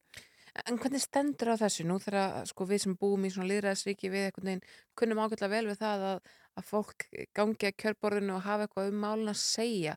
Er, er eitthvað öðruvísi fara með fólk í þessum löndum þar sem að, að þú talar um þetta stjórnlinda liðræði Menna, vill fólk ekki almennt, vill almenningur í þessum löndum ekki almennt hafa eitthvað um málun að segja? Jú, og sjáðu til eh, fólki í þessu löndum hefur kosið þessar menn. Já. Ekki nema í Kína að, að sko Erdogan hefur sannarlega verið kosin í líðræðislegum kostningum eða líðræðislegum, sko segja, hérna, kostningum sem eru skipulaða samkvæmt þeim reglum sem almennt gilda um, um kostningar, svo má uh, ræða um hvernig, sko, hvernig líðræðinu fyrir komið, meðal Mhm. annars í fjölmiðlum og, og það er þetta uh, taldi langu vegu frá því sérstaklega núna í, í Tyrklandi að, að, að þessi frelsi eh, fjölmiðla og það er náttúrulega mörgum þessar ríkja, en þeir hafa verið kostnir. Þetta er svona kostningalýðræði, þetta er stjórnlind kostningalýðræði. En, en, en hvernig stendur á því? Akkur er fólk, vill fólk ekki hafa frálsa fjölmila og, og já, bara veginn fá að hafa eitthvað svona mm, já, það, minna stjórnlindi og meira frálsaði. Ég veit ekki, þetta er náttúrulega alltaf spurning eh, hver er ástæðan fyrir því þetta fólk náttúrulega leggur mjög mikið upp úr öryggi. Já. Það er öryggið sem að, sem að skiptir fólk alveg gríðarlega miklu máli, ákveðin stöðuleiki, ákveðin öryggi og að, að það sé svona séð fyrir ákveðin grunn þörfum Mhm. og það er það bara sem að fólk horfið til og það tristir þessum fórustumannum til þess að sjá fyrir því og ég held að, sko, svo ég var, vaði nú kannski úr einu í annað, að það sem að er kannski hættulegast fyrir þetta frjálslinda líðræði á, á Vesturlöndum er sá á Vesturlöndu sá ójöfnuður sem hefur fengið að þróast á Vesturlöndum. Því að þegar svona ójöfnuður fær að, fær að þróast og, og það, það er skorið nýður þjónustan sem fólk fær, þá hættir fólk að treysta á að, að, að ríkið sé að veita þá þjónustu sem því, því ber og þá fara allskins populísku öll að, að, að fá jarfi og þá fyrir fólk að horfa til þeirra. Þannig að, að það er svona, ég held að sko ójöfnuður sé kannski það sem er hættulegast fyrir því frjálslinda líðræði. Þannig að getur við þá farið runni í hináttina að, að fleiri vesturönd já, færu í, í önnur stjórnkerfi, í meira stjórnlindi. Já, við sjáum alveg í- að það eru, sjá, sjáðu kostningarnar í Frakland og þó að, þó að Le Pen sé sannarlega ekki kannski að, að vinna þessar forstakostningar, þá hefur hún heilmikið stuðning. Já. Við sjáum það líka í Þískalandi með, með uh, Þísk, eða, þessi hérna Alternativ für Deutschland. Það er uh, svona p- populísk uh, hægri flokkur sem hefur fengið heilmikið stuðning. Við sjáum það líka á Norðurlöndunum að það er heilmikið stuðningur við svona populísku öfl. Þannig að það er, það er full ástæð til að vera á, á Varbergi og enn og aftur, ég, ég er búin að hugsa svolítið mikið um þetta, sérstaklega hafandi verið í Írak þar sem að, að fólk bara treystir alls ekki á, á ríkið og það sem fólk treystir á, það er, og, og, það er reyndar, var eitthvað sem var svolítið ábyrjandi líka í Úkræn, það treystir á að það sé ykkur öflugir, sterkir menn, ólíkarka þess vegna sem eiga sko, ítök í, í pólitíkinni sem að muni sjá fyrir eh, þeim og þeirra fólki. Mm. Af því að, að ríkið er ekki að, að, að eh, sinna þeirri þjónustu og tryggja það öryggi sem að fólk vil búa við í sínu, sínu daglega lífi. Sko, ef, ef við tölum aðeins um með Úkrænu og Rúsland, um, það hefur verið svona svolítið skipta skoðanur um það hver staða rúsa sé í raun og veru. Það er lítur út frá NATO sé að þjappa sér þjætt saman, finnar komið jafnvel yfir í NATO uh, og svo framvegis. Um, margir svona vestrænir, vestrænir speking, spekingar hafa verið að segja sko rússar eru raun og veru búin að tapa þessu stríði. Er það ekkert, ef að það væri, ef þeir eru búin að tapa þessu stríði, er það þá til þess að veikja sko rússa og veikja þetta stjórnfyrir Jú, það má segja það. Ég hef sjálf verið þeirra skoðunar og var þeirra skoðunar að, að, að rússar myndu og endan tapa þessu stríði. Já. En hversu, hversu langa tíma mynd það taka? Og ég, þá er ég að hugsa um ekki kannski bara þessa, þetta, þetta stríð, heldur þessa svona almennt þessa uh, hugmyndalegu uh, hérna já, hvað vil segja, þessi átök, hugmyndalegu átök, þeir væri að myndu tapa þeim á endanum og, og þessi hugmynd um að geta lagt svona undir sönnu ríki, þetta er sko hugmynd frá því fyrir uh, setna stríð. Mhm. og við hefum ekki séð þetta síðan í setna stríði að, að eitt ríki ráðist inn í annað til þess nánast að leggja það undir sig. Og þetta er bara, þetta er arfur gamals tíma og þetta, er, þetta á að vera arfur gamals tíma. Og ég trúi því að, að, að þetta mun ekki eh, ganga upp til lengdar. En hversu langar tíma mun þetta taka og þá er ég ekki bara að tala um svona átökin inn í, í Úgrænu því að það getur vel verið að það, þar verið samið um vopnarli og, og þar verið svona það sem kallaði svona frozen conflict eins og við sjáum marga sem er sett, að þetta er sett á ís Já, já. og, og, deilan er ekki leist og hún getur verið á ís mjög lengi þannig að þetta getur tekið langan tíma en ég trúi því á endan Þannig getum við ekki bara kallt stríð, það er sem það segja. já, við getum, við getum fengið það Já. Mjög forðanlegt. Um, þú ætlar að ræða þessar áskorunir á morgun á þessu þingi, þessu ráðstofnu Alþjóðamálastofnunar Háskóla Íslands. Er eitthvað fleira sem þú kemur inn á sem að, að hérna, geti svona vakið aðteklega fólki? það er ómöld að segja, maður veit aldrei hva, hvað, hvað við, vekur aðtikli Nei. maður hendur alltaf blind í sjóa með það en allavega það sem ég held sko aðalatrið er líka að, að það eru brestir í alþjóðarsamstarfinu og það sem að ég held að um, það er um að kenna er líka sko saminuð þjóðnar eru náttúrulega mjög veikar. En pólitíski vengur saminuð þjóðana er mjög veikur. Það er skipular sem var komið á sko 45 það er 77 ár síðan og það skipulag hefur í raunir uh, sko uh, runnið sér til húðar. Já. Og, og það er það, er það, það, það veikast, veikleikarnir sem við erum að horfa á í alþjóðakerfinu eru mjög miklir. Líka öryggis og samvinnustofn Európi sem ég var að vinna fyrir. Þar vantar alla pólitíska fórustu og það getur við bara kent um aðaldaríkjónum.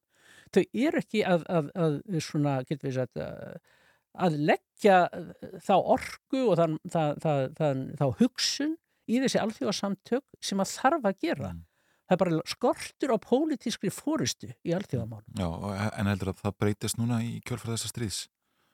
Ég vona það að, að, að menn vakni upp við að þeir verða að, að, að hérna, og þá er ég að tala um ráðamenn heimsins, þessi sko, utaríkisráþurar heimsins, þeir verða að, að, og, og, og, og, og fórustu með fórsætisráþurar og fórsetar, þeir verða að setja meiri hugsun, meiri þunga í eh, samtalið sín á milli. Og það er það sem rofnaði, ef, svo má segja, eftir 1990 einhvern veginn samtalið rofnaði. En hefur ekki, sko, er ekki svona veikleiki, stóri veikleiki saminu þjóðan þetta neitunavald sem svo stóru þjóður hafa bandaríkin rússar og svo framvegis sem bara gera það verkum að það gerist ekki neitt þarna. Jú, jú, það er náttúrulega algjörlega fráleitt skipulag. Já. og þið getið séð það núna með rússanum með neitunavaldin í örgisræðinu örgisræði sem að ætti í rauninni að, að refsa að rússum mun aldrei gera það. Nei, og þetta er auðvitað alveg ómögulegt skipulag emmitt. Takk kærlega fyrir komuna uh, Ingibjörg Solrún Gísldóttir. Það verður áhugavert að fylgjast með þessari, já, ráðstöfni sem verður í uh, Náranhúsinu á morgun frá 9 til 4. Takk fyrir.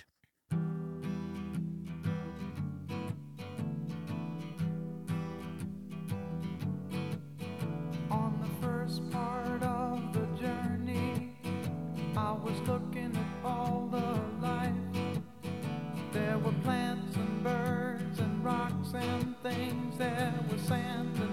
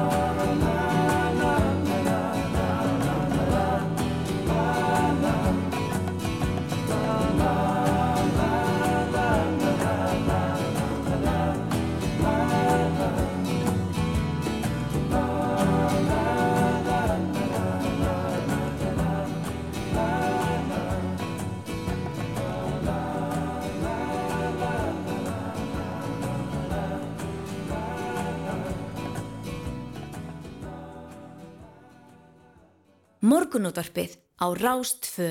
Jú, jú. Alla virka daga frá 6.50 til 9. Þetta þessi, kona er alltaf að segja mér hvernig ég er í loftinu hérna einhver. Ég veit að ég er frá tímasetninguna 6.50 til 9. 6.59, láta hlustendur vita Við erum hér alla virka daga á þeim tíma hmm. Við okkur tekst alltaf að tala yfir þetta tiltegna stefi. Já, já, það er nú bara svona. Við vorum að hlusta á lagið Horse with No Name með Amerika. Þetta er þetta frábært lag. Það verður bara að segja stannum svo er. Já, já, einmitt og við ætlum að ræða íþróttir helgarinnar Lunghelgi að baki uh, og margt sem hægt er að ræða uh, uh, Bestadeildin fór á stað í gær og valskonur urðu meistarar meistarana í meistarakefni KSI Sko það kláraðist með vítaspinnukefni, ekki? Kláraðist með vítaspinnukefni en við ætlum að skipta yfir á fréttastofuna núna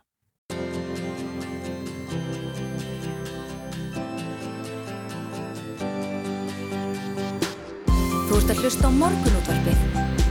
Á Rástvö Jú, jú, frétta yfir þetta baki og morgun útvarpið heldur hér áfram og á mánudöfum fyrir við vanlega yfir e, íþróttir helgarinnar Mhm. það er þriðu dagur í dag en svona lung helgi að baki. Út á dollu, þá út á dollu, já. e, Kristjana Arnarsdóttir, Arnarsdóttir er komin ykkar til okkar, góðan daginn. Góðan daginn. Það má kannski segja að íþróttasumarið hafi svona hafist formulega í gær með Íslandsmótinu í, knaspurnu Já, það er alltaf þessi vorbúðin, svona vorbúðin ljúfi ha- þegar fótbollin fer að rúlla. Bæði náttúrulega keppni meistarar, meistaranna hjá, hjá konunum, það sem var og breyðablík mættust og, og hérna lauk með Sigri Vals í vítaspinnikefni, alveg hérna auðvitað skildið að fara þannig að, að þetta, þetta færi í vítaspinnikefni. Þetta er liðin sem náttúrulega hafa verið að berjast síðustu ár Mhm.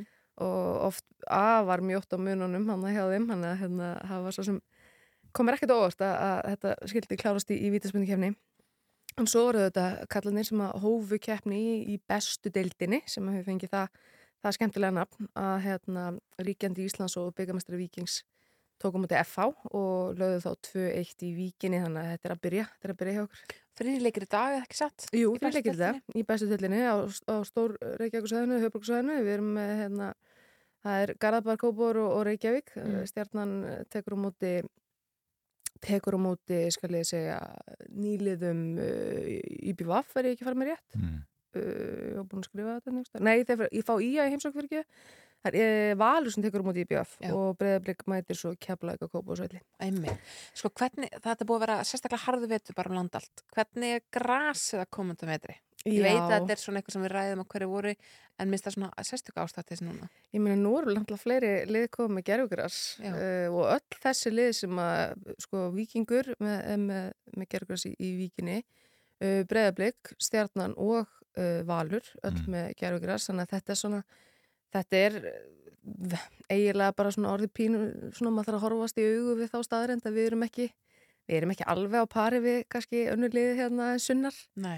Eh, Þannig að það þarf að huga að þessu og ég meina, ég, mér finnst allavega svo umræða svona svolítið, ég mann þegar þetta var að byrja, manni fannst þetta óþólandi að vera að leggja að gera græs á, á hérna yfir bara það sem að virkaði fullkomlega uh, frábært græs, sérstaklega þegar leið á sumarið en ég meina núna þegar deildin er farin að vera lengri, þú veist, þetta, deildin verður lengri í ár, það er búið að breyta fyrirkomuleginu að þá getum við ekki, við getum ekki spilað á venlulegu græs einhvern tímann í, í oktober, það er bara ekki fræðilegur. Nei, einmitt, þú minnist á það að, að það er búið að breyta fyrirkomulagi Mhm, deildarinnar mhm.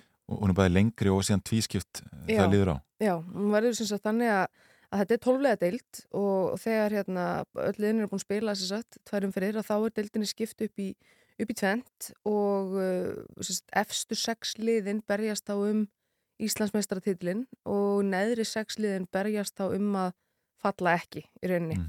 Og þetta er svona fyrirmynd sem að hefur uh, eða sem við höfum séð í, í hérna frá Skandinavi meðal annars uh, Danmörku og víðar. Já. og hérna að þetta er, voru gaman að sjá hvernig þetta þróast og hvort þetta, hvort þetta virki hjá okkur. Uh, ég veit að það eru margir mjög spennti fyrir þessu og búin að tala fyrir þessu lengi að fá þú veist fleiri leiki fleiri þú veist spennandi leiki að því að sérstaklega náttúrulega þegar þú ert komin í þetta top 6, neðri 6 að þá eru þetta kannski lið sem hafa verið að spila svipa, þeir eru svipa góð eru búin að, þú veist, vinna svipa marga leiki eða tapa svipa mörgum leikum og þá ertu að fá meiri svona spennu í viðreikingunar þannig að þetta getur orðið mjög spennandi, mjög gaman. Mm, Já, þessi fallbarata, hún er oft mjög spennandi. Já, það, það myndast svona ákveðin svona, já, þú veist, það verður svo mikil sko, það verður svo mikil stemning í fallbarátunni líka Mhm. það er ekki alltaf bara toppurinn sko, sérstaklega þegar þetta eru lið sem að eru, þú veist, kannski búin að vera að berjast við fallsvæðið yfir langan tíma og eru svona að reyna að halda sér og þú veist, þannig að þetta getur mjög skemmtilegt. En hver er verið að spá fyrir, fyrir þessar deildir, bæði kvenna og kalladeildina? Hva- Hvaða lið er að fara að skara fram úr og, og hérna, hver getur komið á óvart? Já, þetta er náttúrulega mjög stór spurning og líka sko mjög- svona misjöp svör. Það er, er ekki allir sammála sko, auðvitað náttúrulega er vikingum spáð rosa góðu gengi eðlilega, það eru ríkjandi Íslands og byggamestrar.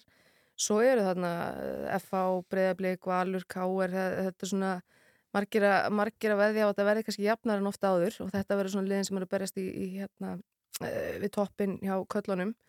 Uh, hvenna megin er þetta uh, Valur, Selfoss, Breiðablík hvað svo leis Mhm. uh, Valskonur náttúrulega með rosalega upplöðan hóp. Blíkarnir kannski búin að missa marga út í atvinnumönsku og það er kannski svona meiri framleiðinni þaðan að, að hérna, leikmenn er staldra stittra við og fara fyrir út þannig að það er, svona kannski færri sem að hafa náðu að spila lengi saman. En Selfisingat er með mjög spennandi lið þetta séu alladóttir komin heim og hérna og, og maðurinn hennar, eh, Bjössi, hann er þjálfari og hérna þau eru náttúrulega búin að vera lengi út í Svíþjóð og, og hérna mikill fengu fyrir Selfising að fá þau. Og hann að ég held að Selfisingandi getur verið rosalega flottir í, í sumar. Mhm. þannig að þetta eru svona liðin sem að flestir er að nefna sko. En svo náttúrulega veit maður aldrei þetta getur farið allaveg það er eins og það er Já, já, algjörlega. Eitthvað fleira sem að gerist um helgina eða, eða er framöndan sem að við, já, herðu, Já. býtum við handbóltinn. Ég heldur Já, já. betur, ég ætlaði nú ekki að fara fyrir en ég ætlaði að minnast að handbólta. Nákvæmlega. Við erum komin að HM fyrir að fyrsta. Uh, HM kalla í Svíþjóð og Pólandi næsta ári, bara algjör snild hérna, og gummi gummi væna pillu á, á stjórnvöld og hérna nú býðum maður bara spenntur að að sjá hvort að að stjórnvöld ætli nú virkilega að fara að gera eitthvað í þessum málum að, að svara með, með þjóðarhöll sem er búið að kalla eftir í, í allt og allt og allt og allt og mörg ár. Uh, svo er kvennalandsleikur á morgun, Ísland Svíþjóð Mm. uh, hjá, hjá hérna, stelpunum okkar í undankefninni. Það eru að fara að mæta svíjum klukkan korter fyrir átta hér á Rúf. Já, á Mjög spennandi ásvöllum leikur. með Á ásvöllum, Já, já. við getum hvergi annars staði verið Nei. vist. Og það er frítt á leikin, þannig að hérna, um að gera að bara fylla ásvöldi aftur. Það var svo hrikalega gaman á lögadaginn með stu, stútfullum ásvöllum af stuðnismönnum og fólki að ég bara að man ekki eftir öðru eins. Þannig að bara mæta á völlin og hafa gaman. Einmitt, þetta er semst Íslands Svíþjóð undakeppni EM kvenna í handbólta. Yes. Klukkan uh, kortir í átta. Já, heldur. Einmitt. Og þeir sem er ekki heimagengt geta að horta rúf. Já, já, já, en það er leikin. Það er. Einmitt. Sko, eigum við sjans í þessum leik? Svíjarnir eru náttúrulega með rosalega stertlið. Um, og það er alveg bara svona, veist, við, við, við þurfum bara að horfast í augu það. Við töpum fyrir leiknum held í 30, 17, eitthvað svo leiðis. Um, en á góðum degi erum við alveg með hrikalega brutlið og, og, hérna, og staðan gæti orðið þannig að ef að ok, ef að leikurinn hérna, fer ekki okkar, okkar hérna, vega á morgun að þá getum við verið að fara í reynan úrslitaleik á laugadagi næsta við Serbíu Mhm. um það hvort liðir hennilega komist á uh, komist á EM uh, þannig að það er gríðarlega spennandi þetta, þetta er mjög spennandi riðill og hérna Og sá leikur er úti í Serbíu, þannig að það getur verið erfitt. Getur erfitt, en við náttúrulega bara erum með svo flott íþróttfólk alls staðar að við höfum, við, við höfum trúna við trúum þessu. Ég held að það sé góð loka orð Kristjana, takk fyrir að kíkinga til okkar í Ekki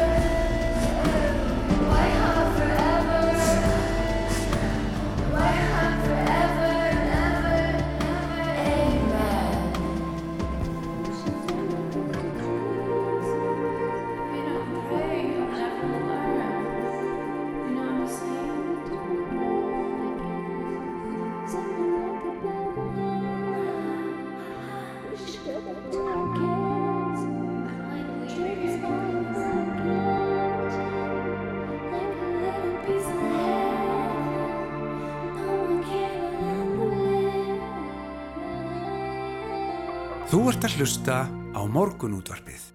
Já, já, við, og það er þriðu dagur, við ætlum ekki að snuða ykkur um uh, að heyra í Sæfara Helga, Helga, Helga Braga sinni með vísindin eins og alltaf hérna annarkvæmt þriðu dag. Hann er komin á línuna hjá okkur þessu sinni. Velkomin Sæfar. Kæra þakkir.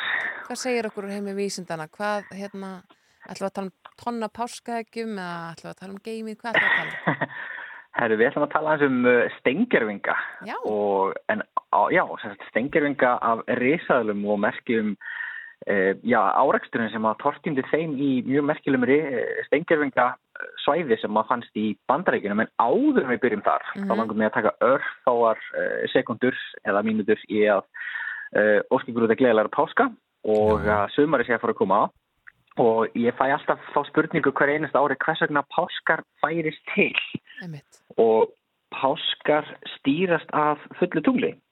Það er að segja, uh, hérna, vá, þetta er allt í nút þannig bara kollin, á mig. Það gerist stundum. Yes, en allavega, hérna, fólk spyr mér reglulega hvenar, já, af hverju páskar færast til og ástæðan er svo að páskar stýrast af fullu tungli. Þannig að páskar verða uh, fyrsta sunnudag eftir fyrsta fulla tungl eftir vorjafdagur. Þannig að Það er ekki verið Mm, Já, þannig að þegar fólk bara, neða akkurat, bara munum þetta, þá veist alltaf hvernig fokkar eru. Já. En til dæmis núna, þá var fulltungl 16. apríl og fyrsti sunnudagur eftir þetta fulltungl sem var þá eftir fyrsta fulltungl eftir vorjafdagur, var þó eitt núna á sunnudaginn, þannig að þess vegna var páskasunnudagur núna. Uh, næsta ári hins vegar, að þá verður fulltungl 7. apríl sem er þá fyrsta fulltungli eftir vorjafdagur og þess vegna eru páskar þá 9. apríl Mm. og það er vegna sem þetta hliðrast svona til. Sko, er, að er þetta eina dæmið af því að nú eru páskarnir svona kristinháttíð, er þetta eina dæmið um það að, að eh, sko stjörnu sko ga- gangur heimintunglana fá að stýra einhver svona tengdu þessari ágættu trú, kristinfræðinni? Nei, það er bara eiginlega allt saman. Öll, allar okkar hátíð stýra svolítið af himninum Já. og við þetta ákveðum að hafa jólin á tilteknum tíma sem er þá hvenar uh, jörðin er nánast í hámarki hallasins og norðurkvöli átt að sólinni. Þannig að í kringum uh, vetrarsólstöður á norðurkvöli er þá sjálfsögur jól Mm. og þetta þarf alltaf að stilla til með tilliti til hreyfingar jarðar um sólina og svo framvegis. Þannig að þetta er alls ekki eina hátíðin og svo er náttúrulega Ramadan sem að hlýrist líka til að því að það er auðvitað, e, stýrist líka á tunglinu. Þannig að það eru rosalega margar hátíðir sem að ta taka mið af gangi himmintunglana og eiginlega bara flest allar. Svona ef við skoðum sögulegu rætunar alveg lengst aftur. Mm. Þannig að þetta er, já, við erum mjög nátengt himmintunglunum þótt að ótrúlegt megi verðast kannski og margir hafi glemt í. en ef ég skýt á einu inn inni þá er allavega þá er mögulegt fyrir páska að verða fyrst 22. mars en í síðasta lagi 25. apríl. Þannig að hérna, þeir geta hliðrast ansið mikið til. Já, já, einmitt. Þetta er áhugavert, Ég- en hérna, steingirvingar, segir þau? Já, sem sagt, það er búið að vera svolítið í fréttum af ótrúlega merkjulegum stað í Norður Dakota í bandarækjunum sem heitir Tanis. Og þessi staður Tanis er æfaforn uh, árfarvegur og þess að verðist að vera stöðuvatn. Og ef við förum 66 miljón ár aftur í tíman þá leiti jörðin okkar aðeins öðruvísi út heldur og nýtur út í dag. Sjávarmál, sjávarmál var miklu miklu herra þannig að til dæmis Flóridaskægi var eiginlega alveg á kafi í hafi og svo lág svona uh, flói eða strengur meðfram bandaríkinum alveg kannski nokkur, nokkur þúsund kilometra inn norður upp að það sem er í dag landamæri en að Kanada og þar í norður Dakota er svæði sem heitir Tanis og það virðist vera staður þar sem já, við finnum merki um stengerfinga, það er að segja risaðalur og, og annar líf á þeim tíma þegar áraksturinn á sér stað sem að bara er að geima og varðveita þessar síðustu mínútur og klukkustundir. Mm. Staður sem varðveiti síðustu klukkustundinar eftir að áraksturinn átti sér stað. Og það er greiðlega merkilegt vegna þess að þarna verist eins og flóðbylgjan sem ætti 3000 kílómetra frá gíknum sem myndaðist á við áraksturinn e, við Mexikoflóa var risavaksum flóðbylgja sem ætti allalega inn í e, Ameríku og líka höggbylgja og þessi höggbylgja verðist að var hrift til vatni þannig að það svona sópaðist burt fullt af lífi þannig að á þessum tiltekna stengjörungastaf finnst svona eins konar ruslahaugur af stengjörungum og við nánæri rannsóknir núna þá fundist inn í tálknum og fiskum sem voru á þessum slóðum uh, merkjum svona það sem þetta tektítar og það er þetta ímyndið sér tektítar bara sem svona hagljel eða högl. Já. og ímyndaði þér að það sé uh, glóandi hagl úr málmum og grjóti sem að rignir yfir svæðið og endar þá inn í trjám og lífi slíku líka sem er þá merkir raun og um það sem bara hreinlega kastaðist úr gígnum við áraksturinn og þetta er það sem menn hafa núna fundið og ekki bara það hafa menn fundið líka fótlegg af risaðlu sem að hefur uh, merkjum hús og það er í fyrsta skipti sem að svo heileg, uh, heileg og stengirungu finnst. Sko, það heyrist alveg það sem þú sagði þarna. Sævar, var það merkjum húð? Já, já, húð, akkurat. Þannig að það var eh, sérst, svona útlimur eða fótleggur af risaðlu og á þessum fæti er sérst merkjum húð og þetta er þá ekki með svona eins konar fjöðrum eins og sumarísælur höfðu, heldur svona meira eðlulegt, ef svo maður segja, Mm. húðin á, og honum. Svona ekki svona hérna, hreistur eða hvað? Já, já, svo nokkur neginn þannig.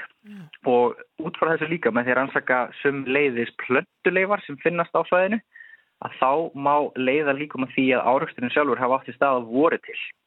Þannig að mér stótti bara við að taka, eða taka spjall um þetta af því það voru hjá okkur. Þannig að um þetta leiti árs fyrir 66 miljón ára að þá skalla okkur steinn sem var svona eins og 15 esur á hæð á gífurlegum hraða með þeim aflengum að 75% öllu líf og jörðinni út. Já. Dágur vordagur þar. Já, já, einmitt. Hver eru líkunar á því að við fáum slíkan stein í, andliti núna? sem betur fyrir er nánast sem betur fyrir er nánast engar líkur á því. Uh, við erum að vakta heiminu býstna vel og þetta er náttúrulega einn leið sem við sjá vitum um að, reysaldnar höfðu ekki að það hefðu þá getað fundið hérna steinin og, og kannski bætt hættinu frá uh, það sem við getum gert í dag. En þetta voru rosalega hamfari sem að fóru í kjölfarið á stað. Það uh, fór svo mikið að brennisteini og, og reiki upp í andumsloftið að það skýði á sólina svo árum skipti þannig að hitast á jörðinni hrundi og fór undir frostmark þannig að höfur hreinlega lögði lífið efst í sjónum dó sem að býr til dæmis til súrefni Þannig að það fór bara algjört hrun vistkerfisins sem átti sér staði í kjölfar þessa áreikstur. Sko það var auðvitað ekkert að það gera en ef að segjum að, að það hefði verið veitiborna verur með hérna einhvern veginn, hefðu það ekki séð þann svolítið lengi loftstinn koma eða hefði hann skolli bara svona mjög óvænt á? Hann hefði, hefði kannski ekki haft neitt rosalega marga daga til, þess að, til stefnu vegna þess að steinanir eru þrátt fyrir allt frekar litlir, bara svona stærri fjall. Þannig að ef hann til dæmis hefur komið úr sólarátt sem er alveg, þess, eh, alveg líklega þá náttúrulega sáu þau ekki neitt. Nei.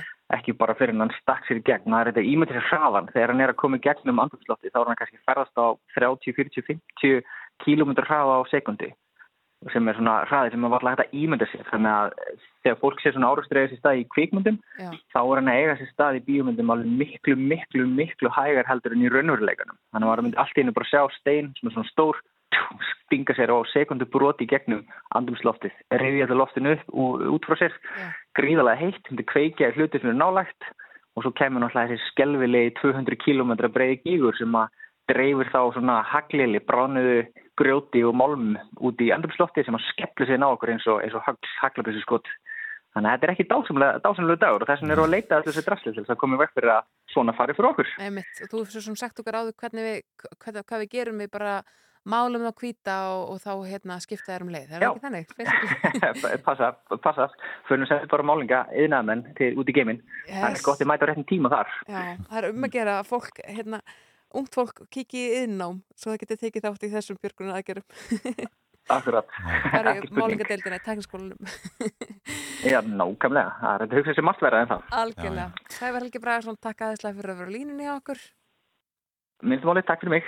Takk, takk. Takk sem leiðis. Við hefum svo sem farið um míðan völl í dag. Hún var að fara, það. Já, hún var að fra, fara frá okkur Kristjana Arnarsdóttir. Hún fór yfir íþróttir helgarinnar. Mm, við rættum tölvöld ástandið í Úkrænu, heyrðum bæði í Margeri Pétursinni sem reikur bank Lviv, Já. í Lviv uh, og rættum við Elvar Ára Brynjason sem er réttrumlega tvítur og fór út strax og stríðið braust út og hefur verið í sex vikur núna að starfa sem sjálfbúðarleiði á landamærum Póllands og Úkrænu. Einmitt, svona þess að draga hann saman það sem þeir sögðu, þá sagði sko margir að lífið einhvern veginn var að ganga sinn vana gang þó að það var auðvitað með einhverjum takmörkunum. Svona mestu leiti, það var hérna, loftvarnaflautunar að færa oftar af stað en áður kannski. Já, einmitt, en fólk mætti samt í vinnu og, og svona syndi sínum daglegu störfum þau sem eftir eru. Sko Elvar sagði að, að uh, það hefði hægt mjög á flóttamannaströmnum en svo hefði hérna, teki, hann tekið kipp aftur eftir þessi loftskita ára sér á Lviv. Mhm. Þannig að það eru, já, stríðir alls ekki búið og, og þvert á móti en, en hérna, en svona, já, það hafi verið svona uh, mikla breytingar varðandi þennan mikla fjölda sem að er að, að koma sér út úr Úkrænu. Já, já, og talandi um breytingar þá rættum við líka um, um breytingar svona á eh, heimskerfinu og stjórnkerfum við Ingibjörgu Solrúnu. Já, emitt. Uh, já, og svo tölum við aðeins um eldgós á Reykjaneskaga og um styrkleikana og við um krabbamins félagsins. En við verðum hér, uh, ég, Snæra Sindardóttir og Hulda Gerstóttir á morgun og uh, já, syngjum einn sumarið. Já, nákvæmlega.